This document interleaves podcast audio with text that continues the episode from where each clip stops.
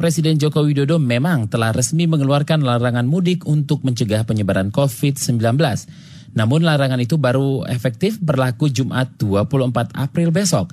Kebijakan itu justru mendorong sebagian warga nekat memudik di sisa waktu terakhir. Simak laporan yang disusun tim KBR dibacakan Sindu Darmawan.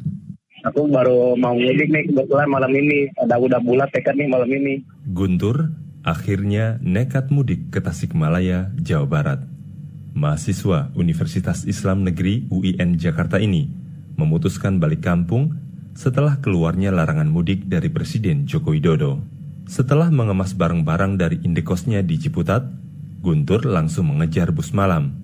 Ia tak ingin terkunci di zona merah saat lebaran tiba. Sebenarnya dari kemarin sih udah banyak pertimbangan gitu ya, bingung juga gitu kapan mau pulang gitu kan. Nah kebetulan sih kemarin kan presiden yang umumin gitu ya, ada larangan sih gitu. Nggak boleh mudik tanggal 24 ya. Aku sih sebenarnya mem memanfaatkan momentum aja gitu. Tuh sekarang mumpung masih bisa kalau ke depan nggak tahu juga kayak gimana nasibnya gitu kan. Guntur enggan melewati bulan Ramadan dan Lebaran seorang diri jauh dari famili. Keluarga Guntur juga sudah mendesak agar ia segera pulang. Aku mikirnya gini aja sih, lama-lama kan hidup di perantauan tanpa kejelasan kayak gini ya gitu. Gak betah juga gitu kak. Kawan-kawanku kan udah pada mudik juga gitu kan, udah gak bisa kumpul gitu. Sementara aku di sini kan hanya beberapa orang gitu, merasa sepi aja gitu. Gak baik juga buat psikis gitu. Kebetulan dorongan dari rumah kencang juga, buruan pulang, buruan pulang gitu. Orang di rumah mah khawatir gitu aja. Bagi Guntur, tradisi lebaran bersama keluarga di kampung halaman tidak tergantikan. Itu ya momen-momen sakral sih, terutama bagi kan kan keluargaku banyak yang merantau gitu kan. Kita memanfaatkan momen lebaran itu sebenarnya salah satunya sebagai momen untuk bertemu gitu sama saudara yang selama ini hidupnya jauh gitu kan. Setiap lebaran itu kan kadang mahasiswa jurusan ilmu politik ini berkomitmen melakukan isolasi mandiri setiba di rumah. Ia khawatir tanpa disadari membawa virus corona dan bisa menularkan ke orang tua dan saudara. Kebetulan kan di samping rumah itu ada semacam saung gitu di atas kolam gitu, di atas empang. aku kemungkinan di sana untuk beberapa minggu ke depan gitu, selama 14 hari. Ya aku udah persiapin dari sini kan aku udah bawa ini sendiri, alat tidur sendiri, sleeping bag gitu. Abang aku juga antisipasi di sana udah bawa tenda, gitu, tenda gunung buat aku gitu.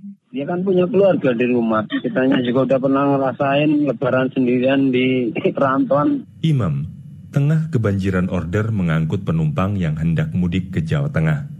Sopir mobil travel harian ini mengatakan sudah ada puluhan pemudik dari Jakarta yang memesan kursi.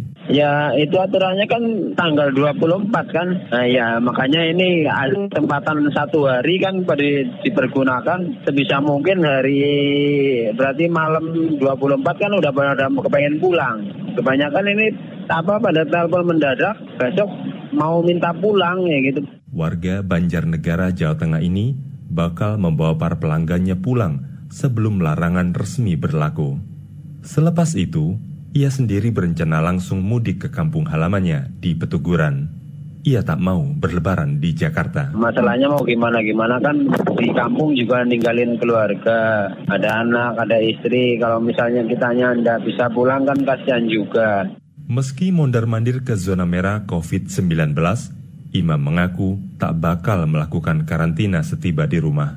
Pemerintah desa setempat juga tidak mewajibkannya melakukan isolasi mandiri. Kiranya sih enggak lah, sopir biasanya tidak ada karantina. Masalahnya kalau sopir di karantina kan bahaya juga mbak. Ya maksudnya nanti dicariin istrinya. Selain Guntur dan Imam, bisa jadi banyak warga yang nekat mudik di menit-menit akhir mereka tidak tergiur dengan bantuan sosial yang disiapkan pemerintah daerah masing-masing. Gubernur Jawa Tengah Ganjar Pranowo menyatakan bakal menyediakan bantuan bagi warga daerahnya yang bertahan di perantauan. Janji serupa juga diungkapkan Gubernur Jawa Barat Ridwan Kamil. Sementara itu, Asosiasi Perangkat Desa Seluruh Indonesia atau APDESI menyebut tak bisa menolak jika ada warganya yang nekat mudik.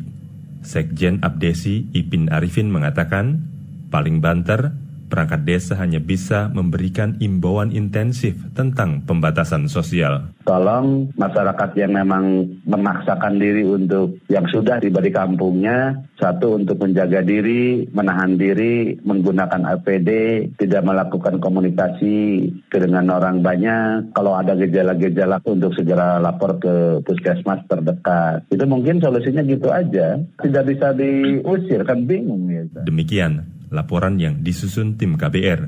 Saya, Sindu Darmawan.